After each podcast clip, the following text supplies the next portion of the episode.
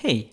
Mikael från Jesusfolket här och jag är väldigt glad. Vår releasefest för konvertiten förra veckan gick över förväntan bra. Det var en fantastisk kväll, det kom ungefär 50 pers till kyrkan, 150 följde det online.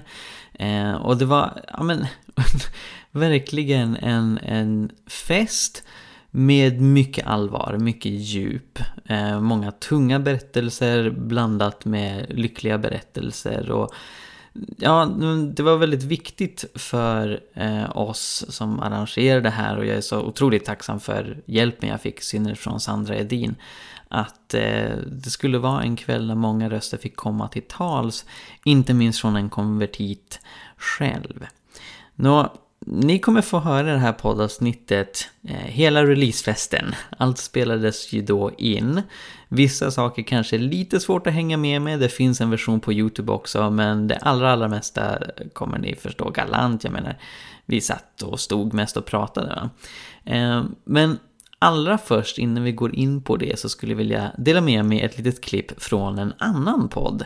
Nämligen podden Ett missionellt liv. Den drivs av Evangeliska Frikyrkans missionsdirektorer som är deras samfundsledare Ingvar Fors och Lina Linn Newman. Och det här hade de att säga i sitt senaste avsnitt som handlade om Afghanistan.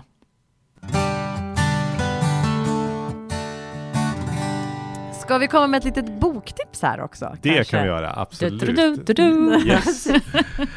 Vår vän Mikael Grenholm som är pastor i Uppsala och författare, han kom ju ut med en bok som heter Konvertiten.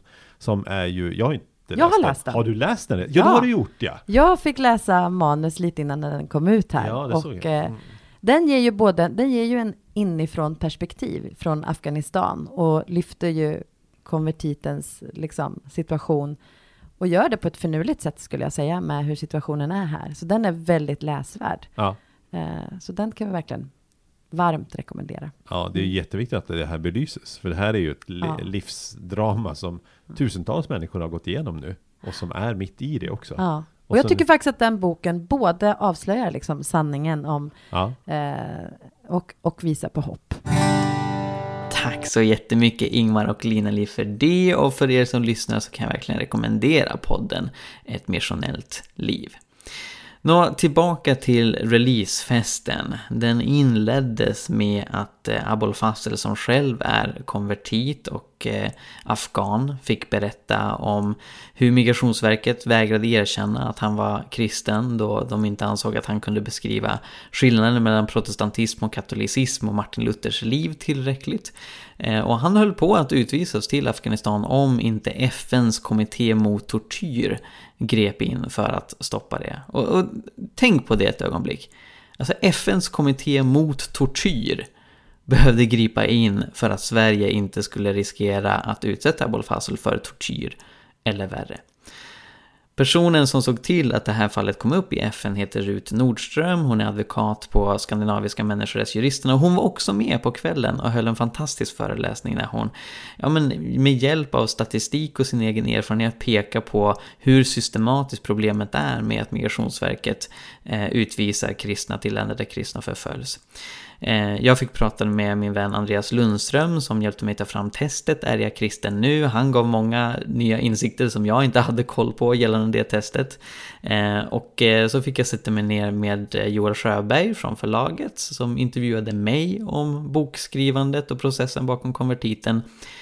Och sen på slutet så sjunger jag lite också. Så allt det här ska ni nog få höra i detta poddavsnitt. Som sagt, vill ni se filmversionen så finns den på YouTube och jag ser till att länka den i beskrivningen av detta avsnitt. Men med, en, med enda undantaget ett, ett litet videoklipp som Rut eh, visar eh, som kanske är lite svårt att hänga med på, eh, så tror jag att allting kommer översättas bra till ljudformat.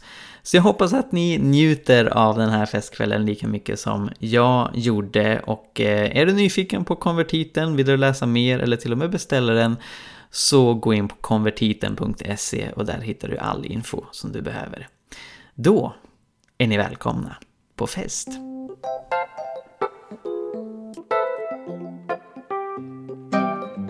Så, hej och välkomna till bokrelease för Mikael Grenholms debutroman Konvertiten. Eh, välkomna både till er som är på plats här i Korskyrkan i Uppsala och till er som kollar på annat håll via Youtube. Eh, jag tror och hoppas att det här kommer bli en bra och festlig och berörande kväll på många sätt. Vi lever ju fortfarande i en pandemi och eh, det gör att vi har vissa saker att förhålla oss till. Och jag vet nu att det är några som har påmint när ni kom in, men det som gäller för oss här i kyrksalen är eh, minst ett, en meters avstånd mellan sällskapen. Efter den här dryga timmen som vi har eh, inne i kyrksalen så kommer vi få röra oss ut i foajén Eh, där man har möjlighet att köpa konvertiten och eh, få lite snacks. Och där blir det ju än viktigare att tänka på hur nära vi är varandra. Eh, för jag vet att det är svårt att komma ihåg. Det kan vara lätt att glömma när man minglar och har det trevligt. Jag tänkte berätta lite om programmet, vad vi har framför oss. Först så kommer Abul Fasel Abdullahi Eh, få komma upp och berätta lite om sin erfarenhet som asylsökande. Sen så har vi Rut Nordström här också som arbetar på Scandinavian Human Rights Lawyers eh, som ska få komma upp och berätta också lite utifrån sitt arbete. Eh, Andreas Lundström kommer komma upp och prata om eh, testet Är jag kristen nu? som utformades utifrån några av de frågor som Migrationsverket ställer till konvertiter. Vi kommer få lyssna på ett boksamtal mellan Joel Sjöberg och Mikael Grenholm om konvertiten. Och vi kommer också avsluta med en lovsång som skrevs specifikt till den här boken av Liselott Österblom. Så ja, ni hör ju. Eh, vi har bra grejer framför oss.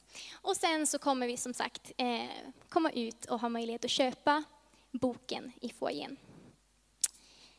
Jag har läst konvertiten de senaste veckorna och eh, det är, jag har sagt det till så många, och det är en sån tillfällighet eller gudfällighet beroende på hur man ser på det, att eh, boken kommer just nu, just i den här tiden.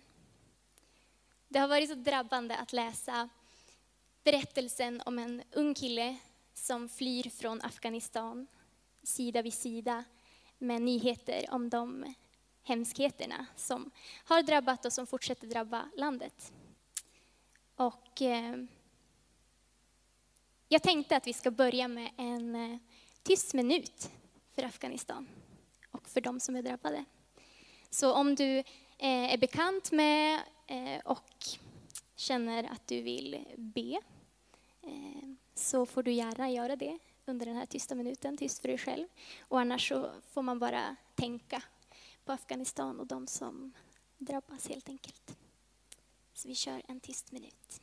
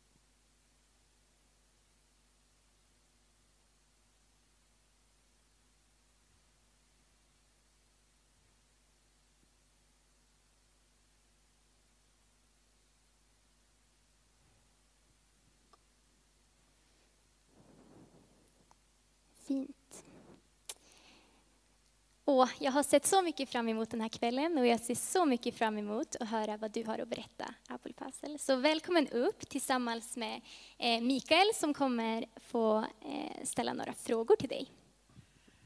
Abul Fasel, välkommen! Det är så roligt att du kan vara här. Ja. Eh, hej allihopa. Och tack så jättemycket för bjudandet. Ja, absolut, absolut.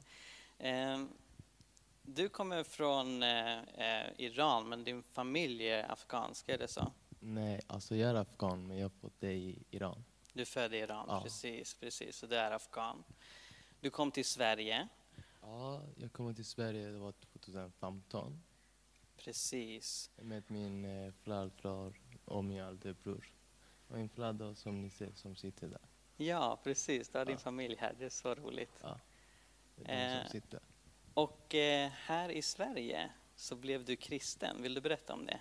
Ja, det var första som min eh, föräldrar och min äldre bror som inte blev kristen. Och första jag tänkte, ja, vad är det? Jag vill ha inte något. Alltså, jag vill ha inte någonting i mitt liv. Alltså, jag har sett andra religioner som jag hade, muslimer. Men jag vill ha inte någon religion i Sverige.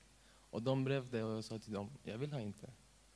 Och sen de hämtade mig i kyrkan och de säger, kom igen, sitt och lyssna.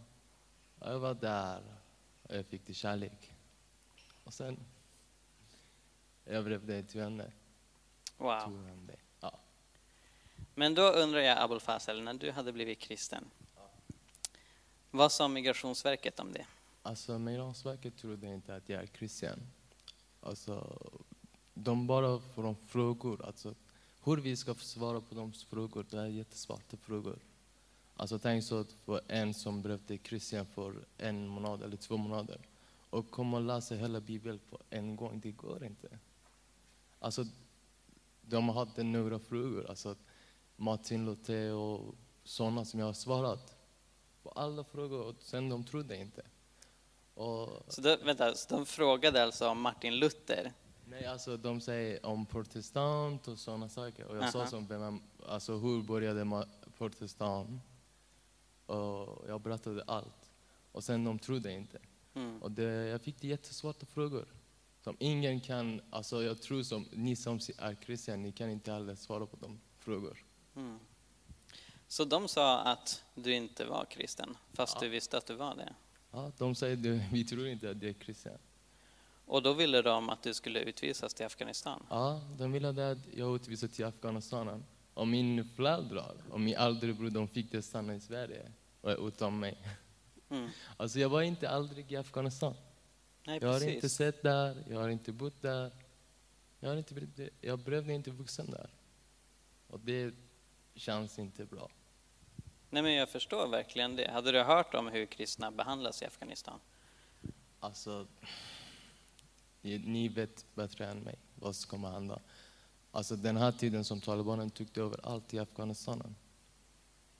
Även som de som är inte kristna, de tillbaka, alltså de kommer att skjuta dem.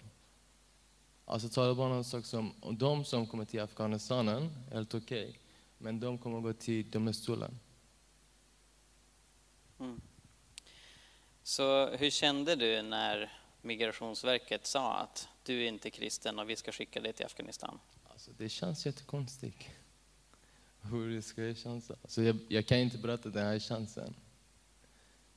Det känns inte bra. Och jag var i domstolen Mhm. 2018.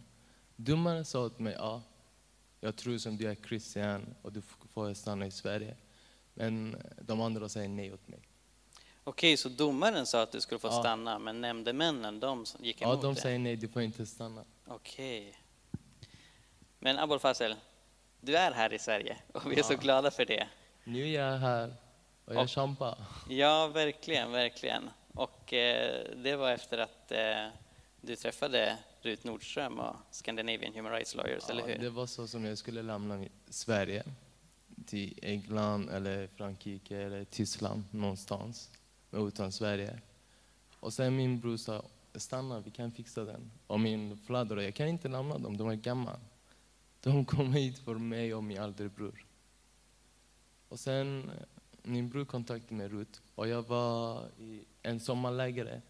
Och ni ser där som sitter, det är min svenska mamma. Den här tiden som jag hade inte någon plats att bo, jag bodde hos dem. För att jag kunde inte bo hos min föräldrar och jag bodde svart. Ja, jag, jag, jag, ja, jag bor i, jag var i sommarläger visst. Ja, och sen min bror skickade meddelande. Ja, Abuli, jag fixade den. Vi har pratat med Rut om hon ska hjälpa oss. Efter en månad som Migrationsverket har ringt mig och sagt ja, du kan komma och ta ditt elementkort och sådana. Men det var chans underbart. Alltså jag sitter bredvid korset och jag sitter bara och ber och ber och jag fick det meddelande. Det var underbart. Jag vet inte hur det ska jag säga men den mörka tiden som det, man sitter och ber, det kommer en... Mm. Den här chansen. Som, Jag förstår det verkligen. är svårt att berätta. Ja, nej men jag förstår det. Och, och, ja, tack så jättemycket för att du delar. Ehm, avslutningsvis, vad känner du skulle behöva hända för att de på Migrationsverket och andra ska förstå det ni har gått igenom? Som vi behövde Christian. vi födde inte en kristen familj och vi bodde inte någonstans som vi kommer lära känna när vi var barn eller något. Vi kommer hit, det tar tid att vi kommer lära. Även som de, är, som- de som är kristna är äldre. Jag frågade en pastor, så man kunde inte heller klara, alltså svara på de här frågorna som Migrationsverket frågade från oss. Hur vi kan svara på dem. Men snälla, jag ville säga till Migrationsverket, alltså de här frågorna, det funkar inte. Ni är inte på våran plats. Och ni vet ingenting om våran chans. Ni sitter bara och frågar. Alltså de frågar, ingen kan svara. Alltså om, om det ska vara så, som, det går inte. Vem kan svara på de frågor? Mm. Ingen. Nej, precis. Jag håller med. Alltså, om det ska vara så, alltså från de här, den frågor, de frågor visar inte att jag är kristen. Alltså inom mig som vi säger är kristen. De frågor visar inte som jag är kristen. Mm. Tack så jättemycket för att du delar Fazl och jag är så glad att du är här ikväll. Tack så jättemycket.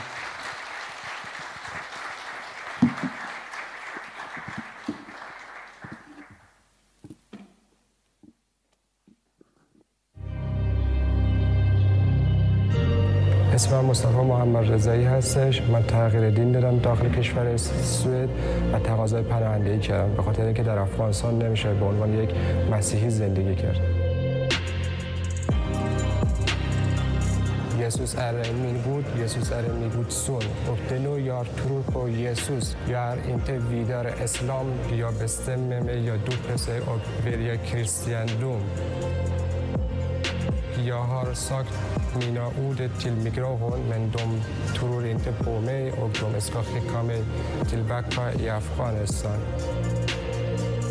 Om det nu Migrationsverket skickar mig till Afghanistan säger en person om byta religionen från islam till kristen måste dö, måste dö. I Afghanistan man får inte vara kristen och man får inte säga någon mot islam.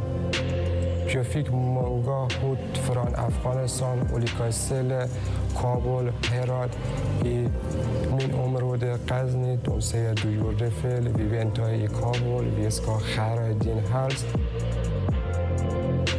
شنرمه دی میکروخون اصفاک دی به سمر فیلد یا فیل اینکن انتریو مید میکروخون بارا یا گلیمنا دی مینا پاپ در تیل میکروخون او دوم لازر او دوم سیر یا ترور انت بوده دو ار کریس هون الر هن سوم لازر من ارنده کشن هن وار این آتیز الر آنان ریگون هون شنر اینکن یسوس او دوار یتی اصوت بارا پا تیتا پاپ پر او سیر دو ار کریس هن الر می او در ار کریس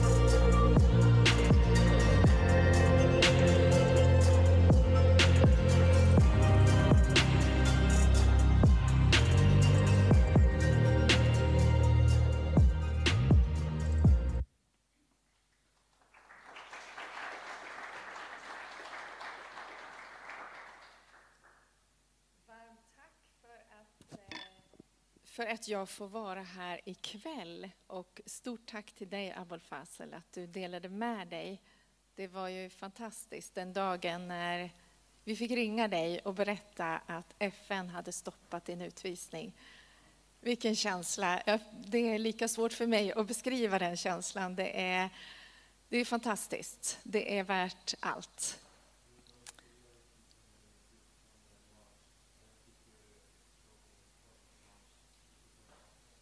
Ja, det stämmer. Abbe Falso berättar om det datum som han fick det här beslutet och det är någonting som vi aldrig kommer glömma. Ja, jag ska berätta lite om eh, det arbete som vi gör för att eh, hjälpa konvertiter och asylsökande i olika asylprocesser. Och mitt namn är som sagt Rut Nordström och jag är advokat och eh, VD för Skandinaviska människorättsadvokaterna. Och jag har med mig två kollegor här idag. Det är Victoria och Matilda om ni vill ställa er upp. Så ni som vill eh, höra lite mer och ställa lite frågor, ni kanske har, känner någon asylsökande eller någon från eh, Afghanistan och har frågor kring det så får ni även ställa frågor till Matilda och Victoria här idag. Så det här är några från vårt gäng och vi är baserade här i Uppsala och vi arbetar i svenska rättsprocesser. Vi arbetar också med familje och asyl, eh, familjerätt, asylrätt, socialrätt, arbetsrätt, mänskliga rättigheter. Men fokus idag det är på de eh, rättsprocesser som gäller Afghanistan och kristna konvertiter. Eh, och eh, nu ska vi se, nu vill inte den här klickaren klicka fram så att tur att vi har Sandra här som vill hjälpa oss. Jag tänkte berätta lite om det som kallas konvertitutredningen. Och det var en utredning, en rapport om Migrationsverkets hantering av konvertiters asylprocess. Och den här utredningen, vi gjorde en juridisk analys. Vi, eh, det var ungefär 690 olika ärenden. Och det handlade då om konvertiter som var medlemmar i en församling i Sverige, som hade döpt sig och hade intyg från församlingen som de tillhörde att de var kristna, genuina konvertiter. Men de eh, blev då bedömda på väldigt olika sätt av Migrationsverket. Om vi klickar fram här. Huvudfrågan i det här det är ju vad är religion och konversion och hur ska man kunna förstå och avgöra om någon är kristen? Och religion det är ju en flerdimensionell förståelse som behövs och det inbegriper också social involvering. Och konversion är ju en väldigt komplex process och det kan inte förklaras utifrån fastlagda scheman. Abul Fazl nämnde till exempel att han hade fått frågan om han kunde skilja mellan protestantismen och katolicismen och vad som särskilde protestantismen och katolicismen och varför han valde en viss kyrka med en viss inriktning. Och som han själv sa, han hade bara varit kristen i en eller två månader. Eh, så det var ju oerhört svåra, komplexa frågor. Och vi kommer att återkomma till det när Mikael och Andreas ska berätta om det här testet. Det ska bli väldigt intressant att höra, för det var ett väldigt bra test som väldigt många fick göra, som väldigt många högt uppsatta kristna ledare fick underkänt på, för de själva kunde inte ens svara på frågorna. Eh, och det vi ville få fram i den här utredningen, det var att de här kunskapsfrågorna som ofta ställs av Migrationsverket för att avgöra om någon är kristen eller inte, de är för komplexa, de är för svåra och de är fel, det är fel frågor helt enkelt. Och det Migrationsverket ofta kritiserar det är att man berättar om en social gemenskap, att man har funnit tillhörighet i en kyrka, men det avfärdas som att det handlar bara om social inkludering, det har ingenting med den kristna tron att göra. Sen tittade vi på bevisvärderingen i de här juridiska analysen vi gjorde. Vi fann då att man har gjort orimligt högt ställda kunskapskrav. Det var bara ett exempel som Abul Fazl nämnde. Jag hade en utredning, haft så många exempel, men ett som jag hade via länk här vid Uppsala tingsrätt var en eh, processförare för Migrationsverket som ställde frågor om teodicéproblemet. Det är ju eh, ondskans problem som teologer har diskuterat och filosofer har diskuterat i århundraden. Och det tyckte man att den här unga killen som vid 17 års ålder gick med i Svenska kyrkan skulle besvara. Och de ställde också frågor om, om alla muslimers själar, var de befinner sig idag. De frågade om Jesus uppstod till kropp och själ eller om det var bara hans själ.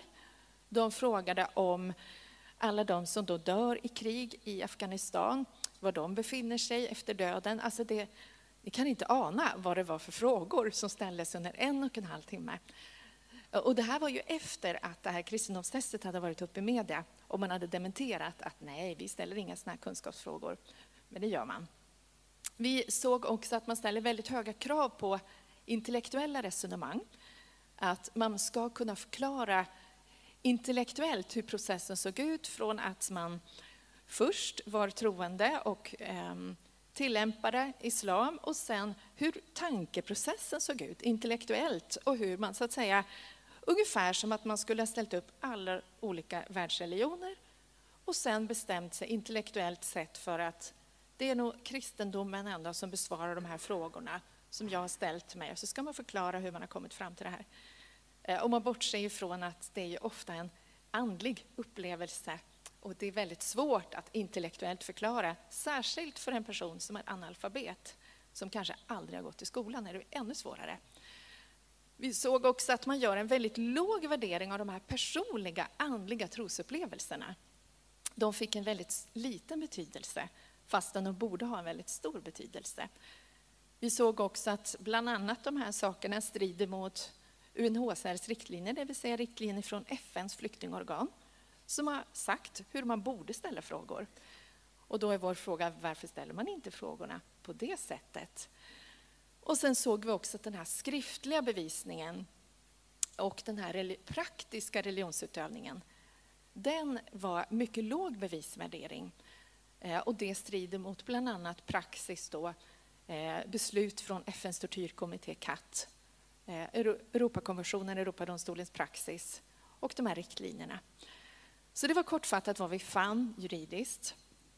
Sen såg vi också att det saknades en helhetsbedömning och enligt FNs riktlinjer så ska man ta hänsyn till till exempel hur gammal är den här personen? Är det en person som är tonåring som precis har konverterat som, ja, då kanske man inte ska ställa samma frågor som till en högutbildad akademiker från Iran som har läst väldigt många år på universitet som är i 45-årsåldern. Man måste anpassa frågorna. Det hade man gjort i två av 61 fall där vi gjorde en djupanalys. Utbildningsnivån hade man tagit hänsyn till i 13 av 61 fall. Social status, vilket FNs riktlinjer också säger att man ska ta hänsyn till, det var bara två av 61 fall. Och den kulturella bakgrunden, som FN också säger att man måste ta hänsyn till, var bara fem av 61 fall. Så att den här helhetsbedömningen saknades. Mm, och vi såg också att det var en bristande expertis hos handläggare och tolkar. Och det var en väldigt stor okunskap kring religion och konversion. Eh, och det är ju förstås allvarligt om någon ska avgöra om du är kristen eller inte. Då kan man ju hoppas och förvänta sig att den personen vet vad det innebär att vara kristen. Har man väldigt stor okunskap, då är det väldigt svårt att ställa relevanta frågor och också se om svaren faktiskt överensstämmer med det som är relevant. Eh, och vi såg då att FN rekommenderar oberoende experter. Det har vi föreslagit som en åtgärd, men det har inte Migrationsverket tyvärr än så länge lyssnat på och tagit till sig. Eh, vi jämförde till exempel med hbtq-ärenden där experter granskar alla negativa beslut. Nu eh, har man ändrat och sagt att alla handläggare hos Migrationsverket ska vara experter på alla områden. Men det ser vi också att det är väldigt svårt. Man kan inte vara expert på alla områden. Då är man inte expert. Eh, vi ser också en bristen, eh, bristande kunskap om kristen terminologi hos tolkarna och då blir det väldigt tokigt. Det blir väldigt, väldigt fel. Ehm, frälsning har översatts till frestelse till exempel. Dop till dopning. Eh, ni hör ju själva, det blir väldigt fel och väldigt tokigt. Och är man då, har man då inte kunskap själv som juridiskt ombud eller någon annan som förstår språket, då är det väldigt svårt att korrigera så att det blir rätt, så att säga. Ehm, och vår slutsats var då att det var en väldigt svag förståelse av religion och konvention. Och det byggde inte på vetenskaplig grund. Vi såg också att det var orimliga differenser mellan till exempel Göteborg och Jönköping. Där i Jönköping så var det väldigt hög grad av bifallsfrekvens. I Göteborg var det oerhört hög grad av nekande frekvens. Så vad är det som gör att det här skiljer sig? Eh, vi såg också att det som snarare bedöms hos Migrationsverket enligt den här rapporten, det är den intellektuella förmågan att resonera kring tro än så att säga det praktiska utövandet av tron. Och vi ser också att tyvärr så tar man inte hänsyn till internationell rätt och internationella konventioner och till exempel beslut från Europadomstolen eller FNs tortyrkommitté i tillräckligt hög utsträckning. Och det leder, vår slutsats var att rättssäkerheten sätts ur spel. Eh, vi har då skickat ett antal klagomål till FNs tortyrkommitté och FNs kommitté för mänskliga rättigheter. Eh, vi har bland annat Mustafa, som ni såg filmen om, eh, och Abul Fazl är ett exempel där vi då har skickat klagomål till de här olika instanserna. Och, eh, från då 2019 till början på sommaren, eller början på våren 2021, så har vi sett följande. Vi har skickat 47 klagomål. 32 av dem blir registrerade hos FN och 15 blev direkt inhiberade, det vill säga att utvisningen stoppades direkt. Och, eh, efter den här statistiken så tror jag att det är ytterligare tre eller fyra som har stoppats av FN. Och det vi ser då när vi har gjort den här analysen av de FN-ärenden som har stoppats, där utvisningen har stoppats, det är att det är flera olika riskfaktorer. Eh, konversion är ofta en av de riskfaktorerna. Det kan vara hälsotillstånd, det kan vara öppna manifestationer på sociala medier som ökar förstås eh, hotbilden. Det kan vara personliga hot direkt riktade mot den här personen. Det kan vara etnicitet, att man tillhör en minoritetsgrupp. Det kan vara kön, att man är särskilt utsatt. Det kan vara att man har en tatuering till exempel. Eller ett annat uttryck eh, som är väldigt tydligt för den nya religionstillhörigheten helt avsaknad av sociala nätverk i sitt hemland.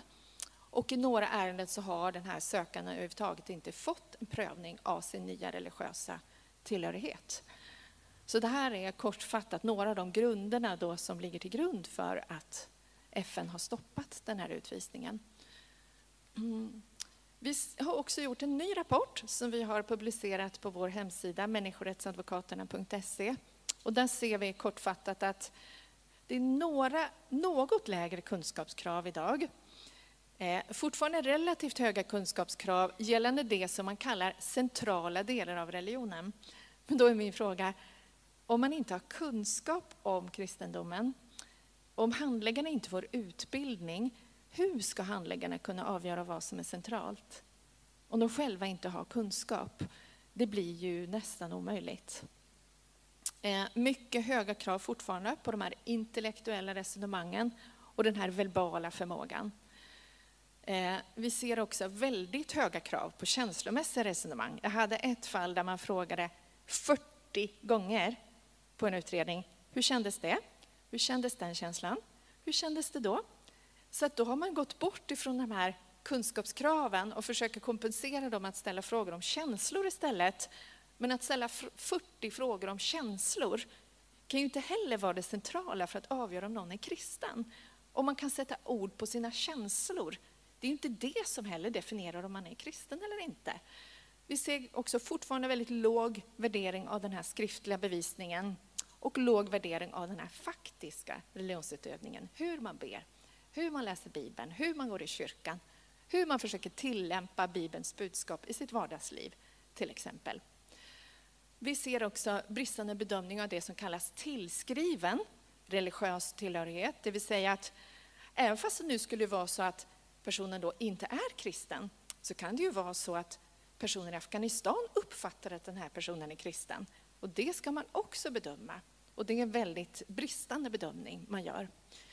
Vi ser också att den här helhetsbedömningen som vi sa att de här, om man har flera olika riskfaktorer, då är man enligt FNs kommitté skyldig att bedöma dem tillsammans, sammanlagt, vilket förhöjer riskfaktorn. Det har man också missat att göra.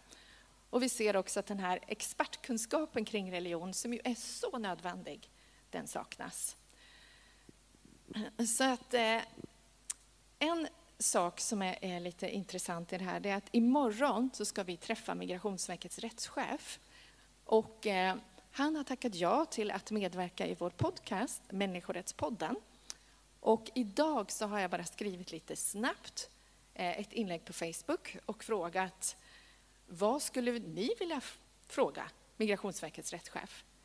Så nu har ni chansen att efter den här bokreleasen, när ni har köpt boken Konvertiten, så går ni hem och så innan ni börjar läsa Konvertiten så skriver ni på Facebook om ni eller någon ni känner har någon fråga ni skulle vilja ställa direkt till rättschefen så kanske just din fråga kommer med. Ja, det var allt för mig och jag får tacka så jättemycket för att jag fick komma och som sagt, ni är jättevarmt välkomna att prata med mig eller Victoria och Matilda efteråt. Då lämnar jag över till Sandra. Varsågod.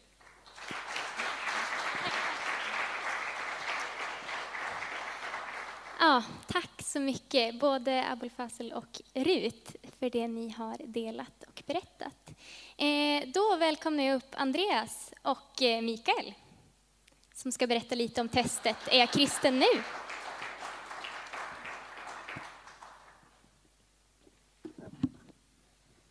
Hej Andreas! Hej! Vad roligt att du är här. Ja, det är roligt att vara här. Ja, och bara så ni vet, jag tycker det är roligt att ni alla är här, men det är lite extra roligt med de som sitter nära mig. Andreas, vi har bott tillsammans i kollektivet Kollektivet här i Uppsala. Ja. Och eh, för eh, två och ett halvt år sedan så ringde jag upp dig. Det var kring julen 2018. Mm. Vad sa jag då? Eh, det, det är som alltid när Mikael ringer, du är alltid så här lyrisk och har någon idé. Liksom. Och nu, nu, nu kom du med en idé eh, som jag nästan anade skulle komma faktiskt. Och det var eh, de här kristendomsfrågorna som du, eh, du hade varit ute tror jag, postat lite eh, vad folk skriver, eller eh, vad folk, eh, vilka frågor Migrationsverket ställer till och liksom helt vansinniga eh, ja, eh, eh, uttalanden om dem. Mm. Och så där. så att du frågade, ska vi göra ett, ett, ett quiz på det här? Precis. Och låta vem som helst, vilken kristen som helst, försöka svara på de här frågorna. Ja. Nej, och där började exakt, det. Mm. Exakt, för att eh, det hade publicerats artiklar i SVT och tidningen Dagen hade liksom skrivit om de här frågorna.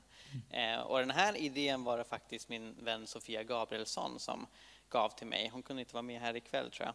Eh, men hon eh, lyfte det på en gudstjänst och sa tänk om man skulle liksom låta då eh, kristna som inte söker asyl svara på samma frågor som de asylsökande konvertiterna. Och jag tänkte jag behöver en duktig programmerare så jag vänder mig till dig. och kan du dela lite liksom, utmaningen? Okej, okay, vi, vi har de här frågorna som vi vet att Migrationsverket har ställt. Hur gör vi ett test av dem?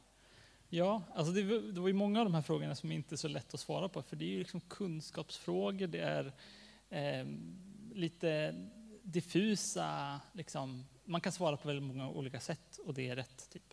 Eh, så att vi, vi fick göra en grov gallring av vilka som potentiellt var ändå lite sådär kvantifierbara.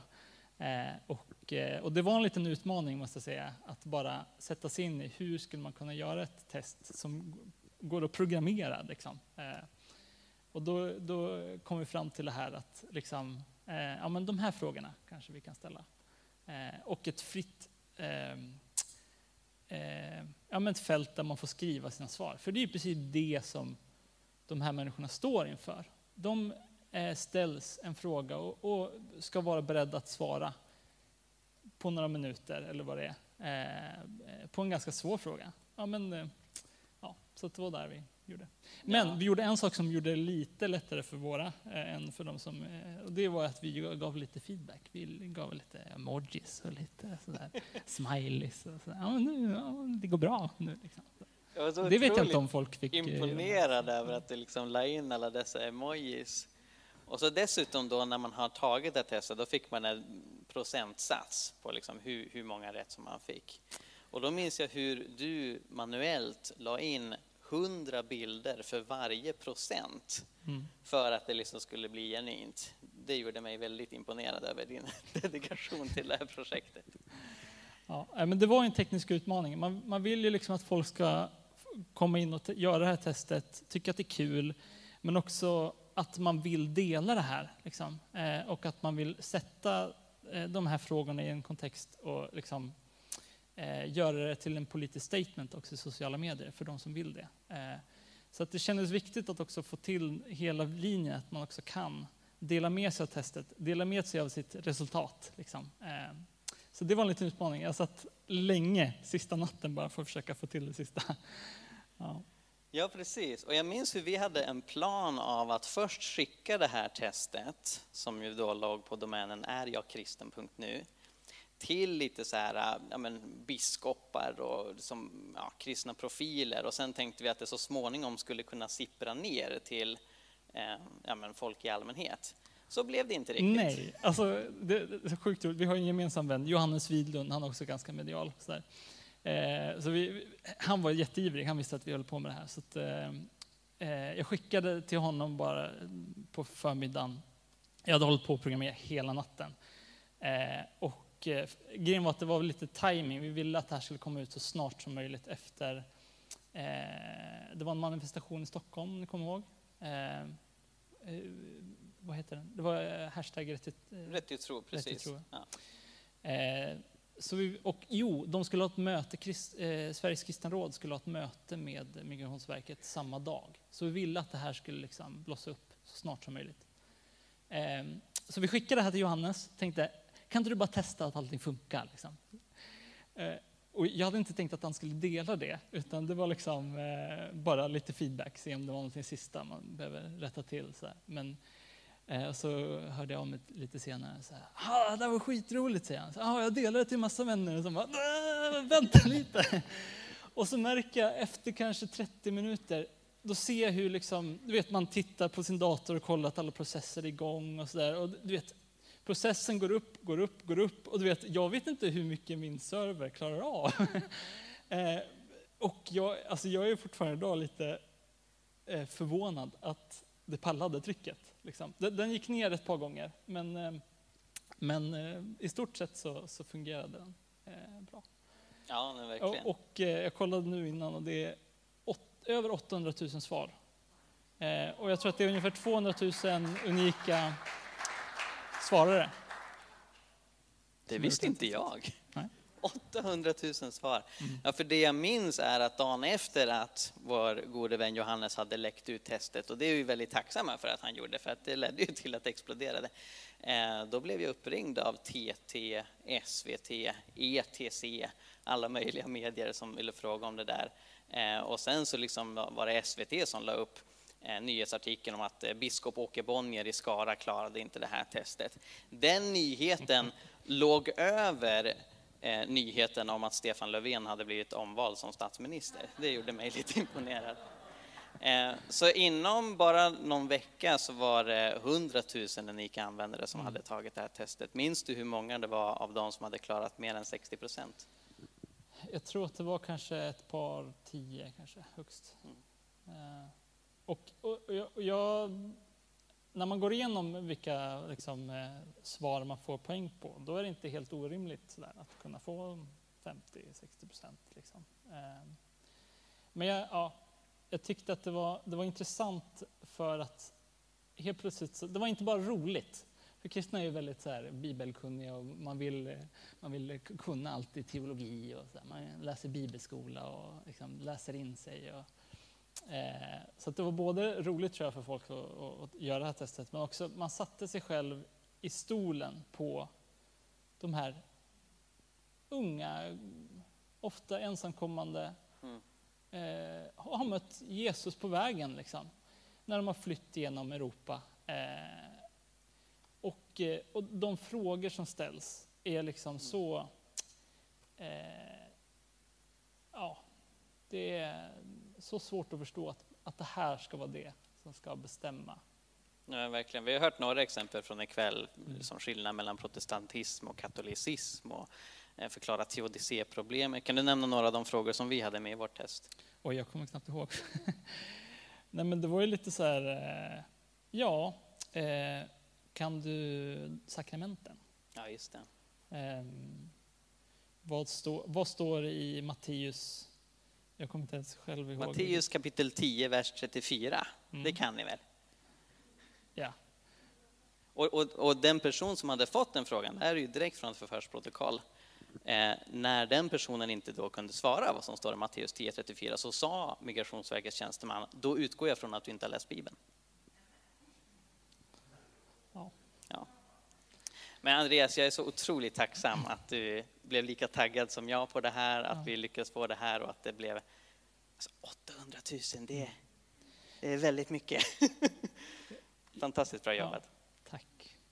Jag tror också att det var lite tändsticka för, för många kristna. Alltså det, vi, det finns många kristna ute i landet som har öppnat upp sina hem, velat ta hem de här, eh, många kyrkor som liksom eh, har öppnat sina armar för eh, de här flyktingarna. Ehm, och många som har kommit till tro i den processen. Eh, men det finns liksom inget forum att riktigt säga ifrån på den politiska arenan att så här, det, här, det som händer nu är inte rätt.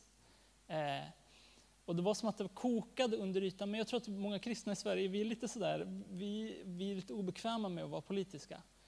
Eh, så jag tror att det här var en liten tändsticka som fick eh, skogen att börja brinna. Eh, och vi fick en röst. Eh, en röst som annars inte hade hörts i medier. Eh, jag, jag vet inte hur många av de här folk i Sveriges kristna råd som hade skrivit debatt, debattartikel på debattartikel, Mm. skrivit, skickat till de här stora nyhetsmedierna, men liksom bara blivit eh, eh, dissade. eh, men att det här blev som en, en öppning att, att nu får vi liksom se ifrån. För det här är... Och det värsta är ju, känner jag, när jag eh, bara hör vad som har berättats om ikväll och sådär. Att människor har tvingats tillbaka till det vi ser i nyheterna nu på grund av de här frågorna. Liksom. Mm. Det gör mig vansinnig. Eh, jag förstår inte att det ska vara så här fortfarande. Ja, verkligen. Ja. verkligen. Ja, nej, men vi hoppas att det är på väg att ta slut Ja. och att det du har bidragit med har bidragit till det, Andreas. Jättestort tack, Tack för det själv. du delade.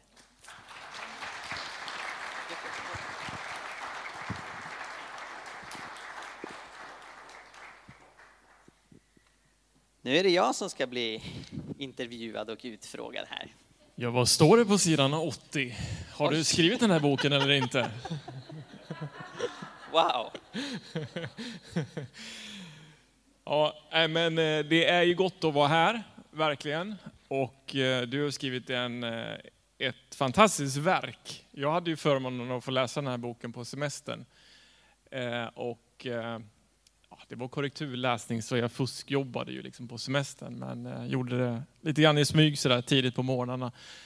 Eh, Och det var ju en upplevelse att läsa boken. Den var fängslande och eh, stark på många sätt.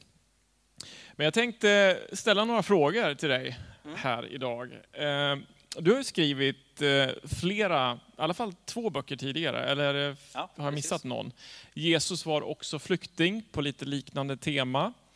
Eh, dock inte en roman. Och sen Dokumenterade mirakler som vi hade förmånen att ge ut för två år sedan tror jag det var ungefär. Eh, men det är ju mera facklitteratur eller eh, nej inte riktigt uppbyggelse heller, men facklitteratur. Men här har vi en roman. Vad, är, vad skulle du säga är den största skillnaden mellan att skriva eh, de två olika genrerna? Ja, alltså när jag satte igång med romanen så hade jag nog tänkt att det skulle gå snabbare än de facklitterära verken.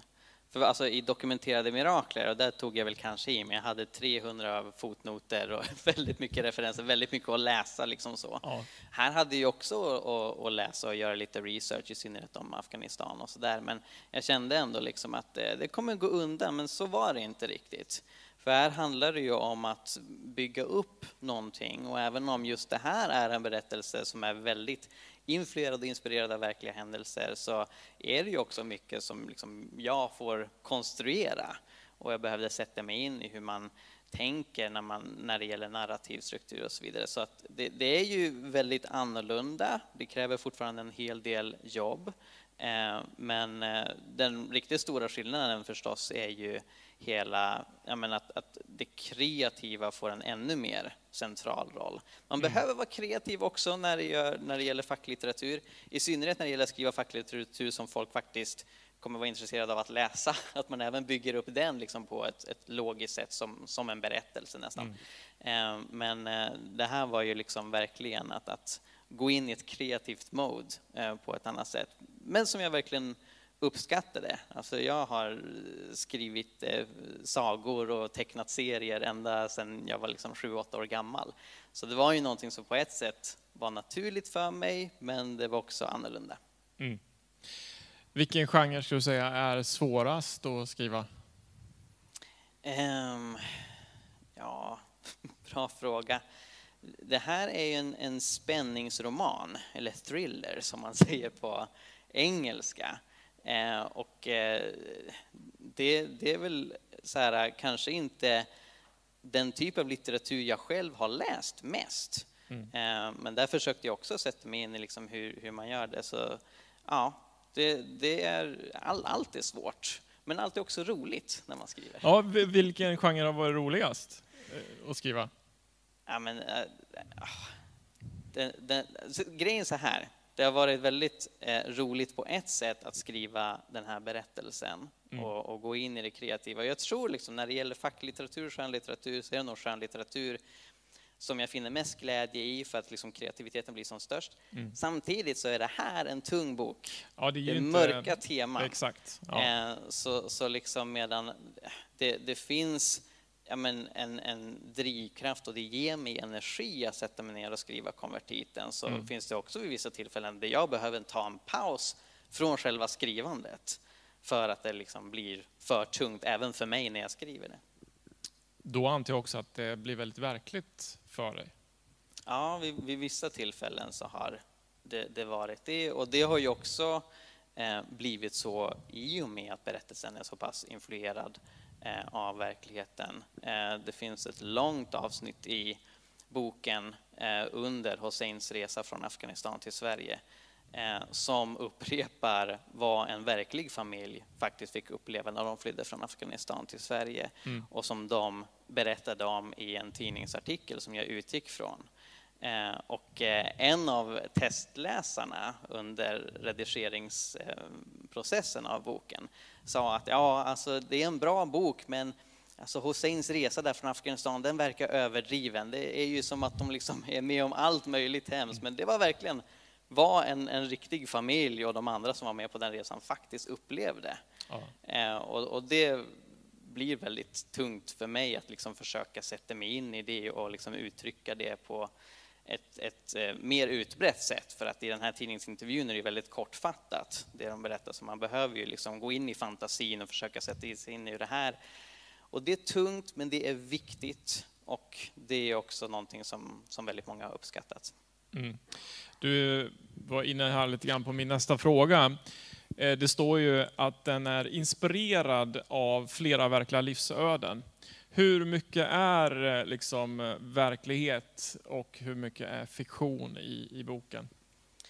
Ja, alltså ehm, väldigt mycket av det då Hussein upplever, ehm, som ju då är en av huvudpersonerna, är eh, influerat av ehm, verkliga händelser, verkliga personer. Jag brukar säga det att Hussein är en sorts sammanblandning av tolv verkliga asylsökande konvertiter som liksom får representeras av honom. Sen så en annan huvudperson, Helena, eh, som är en svensk sekulär tjej uppväxt i Stockholm som lär känna Hussein och blir förälskad i honom. Eh, och det i sig är ju också inspirerat av verkliga händelser. Det finns flera exempel på när asylsökande har eh, blivit tillsammans med eller gift sig med infödda svenskar och de, de smärtor som kommer med det. Eh, men sen så är det ju den här biten att eh, Helena är dotter till bokens tredje huvudperson som är migrationsminister. Komplicerar det Eh, och den, den biten är fiktiv. Det här är liksom inte någon slags kommentar om, om vår nuvarande eller någon tidigare migrationsminister, utan det är liksom en väldigt tydlig fiktiv del i boken. Men anledningen till att jag tog berättelsen i den riktningen var att jag ville utforska vad sker när de asylsökande konvertiter som drabbas av den politik som råder, som drabbas av de normer som råder på Migrationsverket med sina kunskapsfrågor, sitter öga mot öga med migrationsministern som liksom i media försvarar de här eh, tillvägagångssättet. Vad händer under en, en sådan middagskonversation? Och jag vill ta de, den här stora samhällsdebatten som ofta utspelar sig mellan människor som befinner sig väldigt långt ifrån varandra, som befinner sig nästan i, i parallella verkligheter. Jag ville se liksom, ja men, hur kan man tänka sig att, att det skulle utvecklas om det här hamnar under ett och samma tak i en och samma familj? Och då Helena som finns i mitten som älskar sin pappa, som älskar sin pojkvän och som ser hur det här slits åt olika håll. Eh, och hela den delen är fiktiv, inklusive då det som eh, sen leder till att Oscar några månader senare eh, åker till Afghanistan för att leda rätt på Helena. Och det är så boken öppnar. Där är det ett drama, Ja. verkligen. Hur har det varit att sätta sig in i hur det är att vara en flykting? Det har ju varit svårt, ehm, men jag har ju engagerat mig länge för flyktingar. Jag känner eh, flera eh, flyktingar, inklusive då konvertiter, och har pratat med dem och eh, har också läst mycket intervjuer och reportage. Och sen så har jag också satt mig in i hur det är i Afghanistan och läst litteratur om det. Men någonstans så finns ju där en klyfta som, som liksom gör att jag aldrig riktigt helt och hållet kan förstå. Eh, och jag tillhör inte de som känner liksom, nej men om, om jag som vit man aldrig helt kan förstå vad det är att innebära flykting, då ska inte jag försöka liksom kommentera det, utan jag försöker kommentera det. Men högst medveten om att, att det finns en, en klyfta där. Och det försöker jag illustrera i boken genom att jag låter eh, karaktären Hossein vara musiker. Eh, och då, då i berättelsen så eh, uttrycker han frustration över att han kan ju inte helt och hållet skriva sånger på svenska. och även när han lär sig svenska så finns det vissa saker som liksom, ja, men är så svårt att uppfatta i, i svensk musik. Och det är lite min metakommentar över hur jag har känt mig. Jag försöker sätta mig in i så gott jag kan i hur det är flykting, ta del av deras berättelser. Eh, men någonstans är det ju här liksom en, en framställning av, av hur jag eh, tror mig eh, tycka att det är. Eh, och eh, ja, jag hoppas att det fortfarande kan förmedla någonting av värde. Ja. Du var inne där på, på research. Ha, är det en stor del av jobbet att skriva en bok? Eh, själva eh, förgrunds, förarbetet där? Absolut, Ja. absolut. Nej men, eh, alltså för mig så är ett- skrivande av en bok inkluderar att jag lägger ner eh, väldigt mycket tid på att läsa. Mm. Eh, så jag har Ehm, tagit del av både romaner och facklitteratur om Afghanistan, klassikerna ehm, Flyga drake och Tusen strålande solar och även Åsne Seierstads eh, bok om Afghanistan och andra ehm, böcker också, ljudböcker. Och, och, alltså det, det är ett otroligt fascinerande land, Afghanistan. Och som jag verkligen har insett att jag hade inte riktigt förstått vad Afghanistan är innan jag började den här resan. Jag tror att det man har fått liksom förmedlat väldigt mycket via nyheter framför allt, det är liksom ett ökenlandskap och det är massa strider och det finns ju där. Men det finns också sån skönhet, det finns en sån historia, det finns en sån kultur och Afghanistan är en smältdegel av många olika kulturer som, som möts. Eh, och det är ett häftigt land, det är ett riktigt häftigt land. Och det, det är förstås liksom oerhört tragiskt med allt det som har skett där och invasioner från den ena stormakten till den andra och nu talibanerna som styr.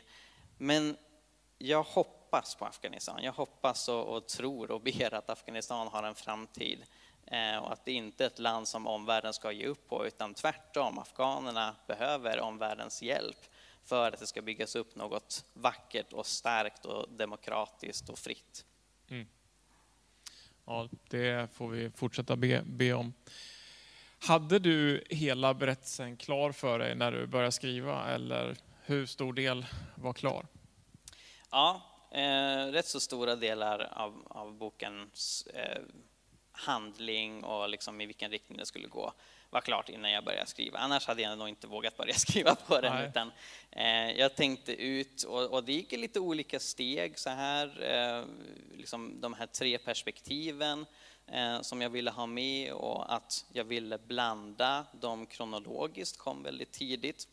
Och det har varit väldigt spännande liksom att eh, utarbeta tre stycken berättelser som sen utspelar sig i olika tidsperioder. Så boken börjar i framtiden så att säga. Boken börjar med att Oskar åker till Afghanistan för att rätta rätt på Helena. Eh, men det är då flera månader efter när man sen kommer till Helenas perspektiv och, och eh, hur hon lär känna Hussein och sådär. Så att det, det tänkte jag ut ganska tidigt. Ehm, Men sen så är det ju många detaljer som liksom blir tydliga efterhand och i synnerhet när det gäller karaktärerna. Så jag som författare lär ju känna mina karaktärer mer och mer när jag skriver om dem. Eh, Och det är ju alltså, alltid så tycker jag att när man har skrivit någonting så låter man det vila ett litet tag och sen går man tillbaka och, och bearbetar det igen. Så själva råmanuset, liksom första utkastet, skrev jag under våren och sommaren 2020. Och sen så har det gått ett år av redigering, det har fått stor hjälp av testläsare och då har de påpekat saker liksom som jag behöver tweaka och fixa till. Men på det stora hela så hade jag liksom, ja, hela berätt- berättelsen planlagd framför mig. Ja. Jag tycker du lyckats bra med de här tre olika perspektiven, för man, man kan tänka att det det finns en risk att det blir rörigt, men du har verkligen lyckats bra på det, med det. Eh, vilken respons har du fått hittills av, av testläsare och eh, andra som har varit snabba med att få tag i boken? Responsen har varit väldigt, väldigt god. Eh, och eh, när, när det gällde testläsarna så är jag involverad totalt, alltså säkert över 40, kanske uppemot 50 testläsare. Eh, och där såg jag också till att de kunde eh, lämna feedback eh, anonymt i ett formulär. Eh, Så om de inte liksom ville stå face to face med mig och, och klaga på min bok så skulle de ha möjligheten att liksom lämna anonym konstruktiv feedback. Eh, Men de allra, allra flesta hade väldigt positiva saker att säga. Det var vissa saker som var lite ja, röriga eller som kunde förtydligas och så. Eh, Så under den fasen har varit väldigt positivt och sen nu då eh, när boken har släppts så har jag blivit eh, väldigt överväldigad av responsen. Något som betyder jättemycket för mig var att Vibeke Olsson, som också är både pastor och författare som jag själv, eh, hade läst boken nu under sommaren och hade jättemycket gott att säga om den. Eh, och eh, inte bara liksom att den, den har ett viktigt tema och pekar på ett aktuellt samhällsproblem, mm, vilket alltså hon säger att den har, men också att hon uppskattar den som ett skönlitterärt verk betyder jättemycket för mig. Eh, har fått eh, också alltså, goda, god respons och goda rekommendationer från eh, Ulf Bjereld som är eh, statsvetare, Joel Halldorf som skriver i Expressen eh, och eh, Kim Brynte, pastor, Stefan Svärd, en annan pastor.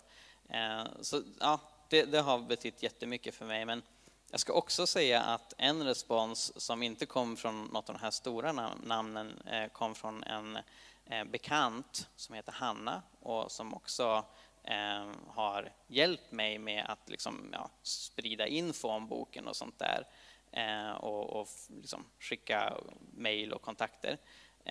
Hon uppskattade boken och anledningen till att det betydde så väldigt mycket för mig var att hon har, precis som Helena i boken, en relation och har gift sig med en asylsökande.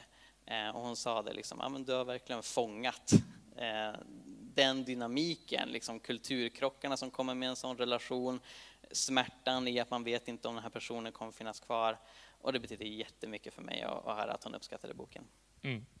Kan ju nämna, eh, vår lektör på förlaget var ju eh, till en början otroligt, jag, jag sen också såklart, men, eh, direkt så var hon ju lyrisk över din bok och eh, Det var kul. fick ju manus efter manus som, ah, det här var inte så, av andra, alla möjliga, sådär, som hon kollar på. Eh, och blir hon aldrig glad över något manus, men ditt, när hon läste ditt manus så var det fantastiska omdömen om, om det. Så det var väldigt roligt.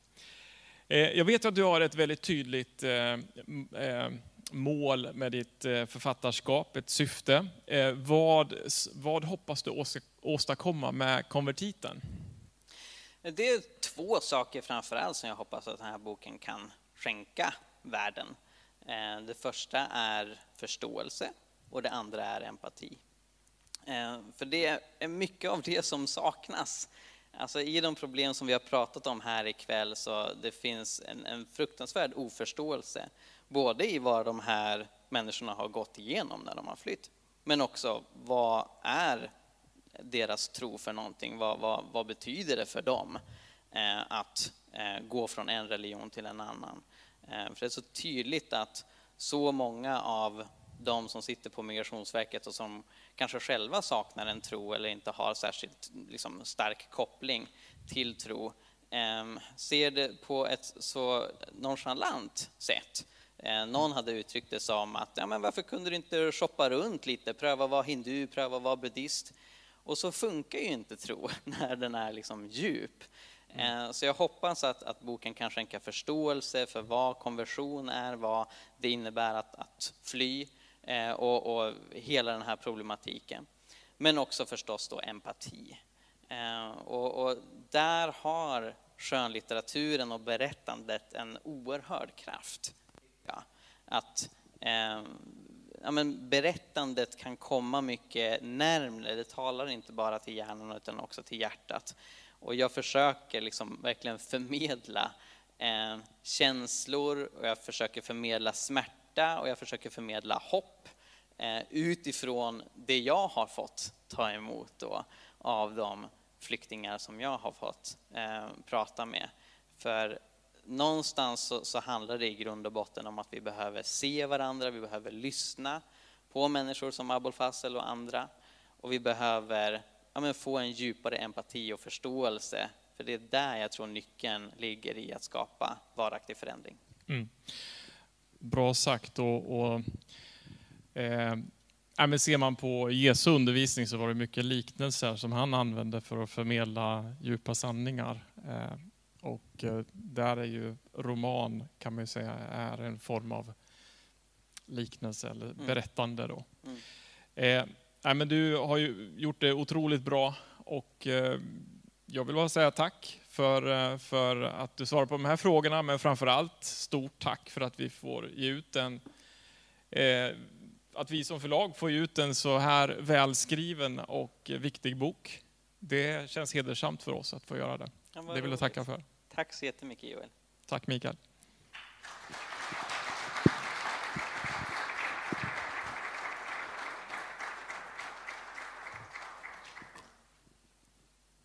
Tack. Utan att eh, avslöja handlingen så innehåller ju den här boken en lovsångstext. Eh, och jag nämnde i början att eh, den här lovsången är skriven av Liselott Östblom eh, specifikt för boken Konvertiten. Och den har också en melodi. Eh, och nu ska vi få världspremiär för den här lovsången. Eh, Johan Bruneskog ska spela gitarr och Mikael ska sjunga.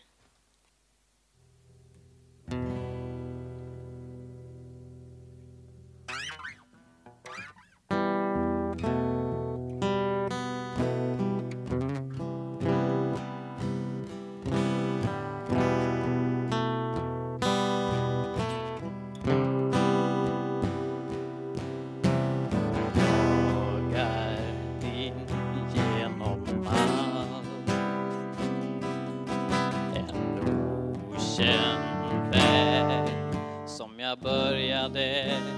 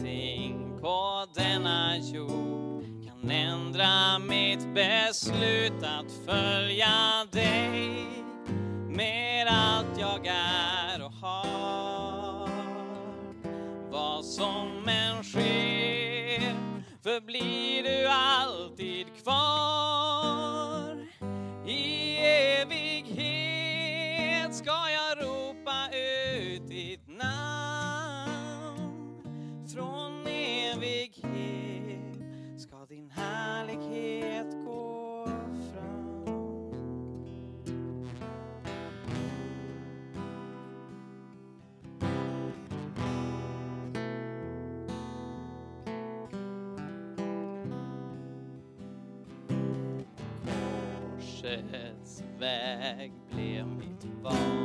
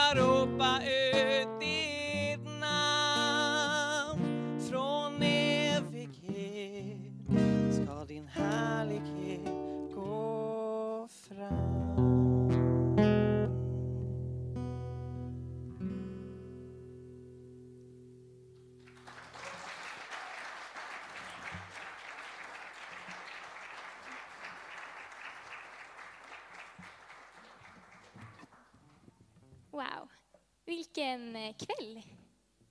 Eh, det, nu så kan man komma ut i foajén. Det kommer finnas chips, det kommer finnas popcorn, det kommer finnas böcker. Eh, konvertiten kan du köpa. Jag tyckte jag såg några exemplar dokumenterade mirakler också. Den finns också. Eh, och sen så skulle det varit boksläpp också för Eh, Christian Mölks bok, vad heter den? Främlingsvänlig, eh, som också är på temat. Och det skulle varit boksläpp idag, men blev inte av på grund av sjukdom. Så den kommer också gå att köpa här ute idag. Är det något mer du vill dela? Ja, vad bra. eh, så välkommen ut, köp böcker. Eh, det kommer ju som sagt också gå att prata med eh, Victoria och Matilda eh, från Scandinavian Human Rights Lawyers. Så tack för eh, den här kvällen här inne, så ses vi där ute.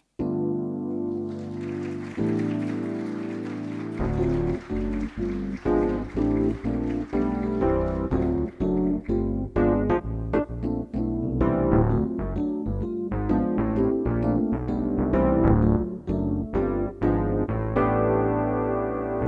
så mycket för att du lyssnar på Jesusfolket. Om du vill höra mer så se till att prenumerera på iTunes, Spotify eller valfri podcastapp. Du kan också lämna en recension, vilket är en eh, liten grej att göra som hjälper oss väldigt, väldigt mycket, så det uppskattar vi verkligen. Eh, du kan också läsa vår blogg, Hela Pingsten. Vi har mängder med artiklar där om andens gåvor, evangelisation, fred, rättvisa och allt möjligt annat som har med lärjungaskap att göra, så kolla in det. Och vi finns på sociala medier, du kan följa både Jesusfolket och Hela Pingsten på till exempel Facebook. Tack så mycket, Gud välsigne dig och eh, fortsätt vara en del av Jesusfolket.